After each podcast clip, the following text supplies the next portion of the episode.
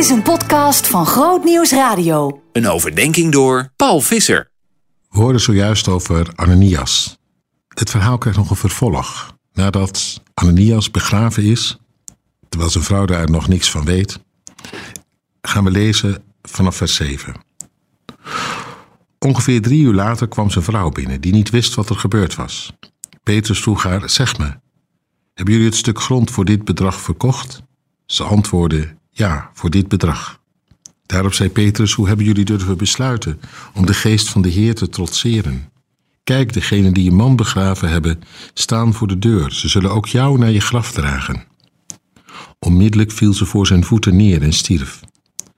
Toen de jonge mannen binnenkwamen, troffen ze haar dood aan. Ze droegen haar naar buiten en begroeven haar bij haar man. De hele gemeente en allen die hiervan hoorden, werden door grote schrik bevangen.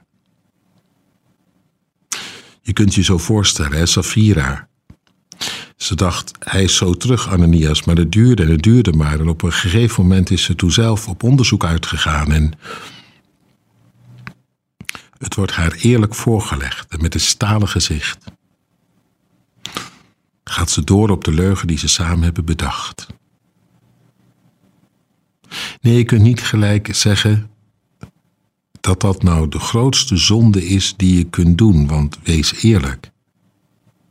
Ligt het niet heel erg voor de hand, ook bij gelovigen, om het soms net iets anders voor te stellen dan het is?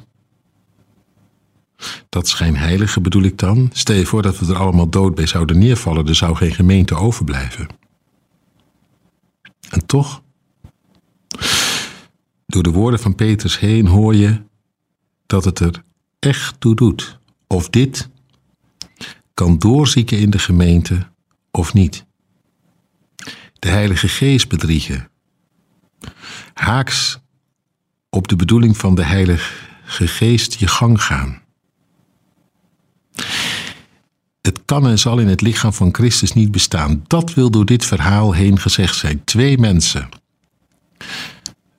moeten het met de dood bekopen, opdat de schrik er goed in zal zitten. Dat niemand zal denken dat het God om het even is. Het maakt hem alles uit. Of het er eerlijk aan toe gaat of niet. Of hij door zijn geest kan doorwerken of dat die andere geest stiekem weg ons toch te pakken en te grazen kan nemen. Die het werk van de geest ondermijnt waardoor de geest wordt bedroefd. En de vraag is nu niet of wij het ermee eens zijn dat het er hier zo rigoureus en radicaal aan toe gaan. De vraag is of bij ons de schrik er nog een beetje in kan komen. Dat we beseffen door dit verhaal heen.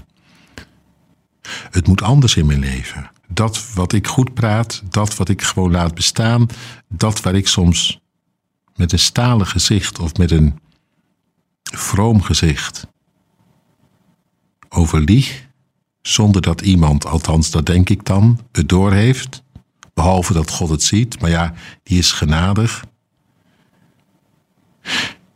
Dat ik daar voor mezelf eens wat consequenter in word. Dat zelf leer opruimen, zodat ik eerlijk word voor God tot op de bodem. En radicaal, de radicaliteit van de geest, dat die in mijn leven kan doorwerken en ik het schijnheilige, wat zomaar erin kan sluipen, voorbij kom. En dat ik zelf met mijn gedrag de gemeente, het lichaam van Christus, niet verziek. Wat dat betreft, niks mis mee hoor, als de schrik er even flink in zit.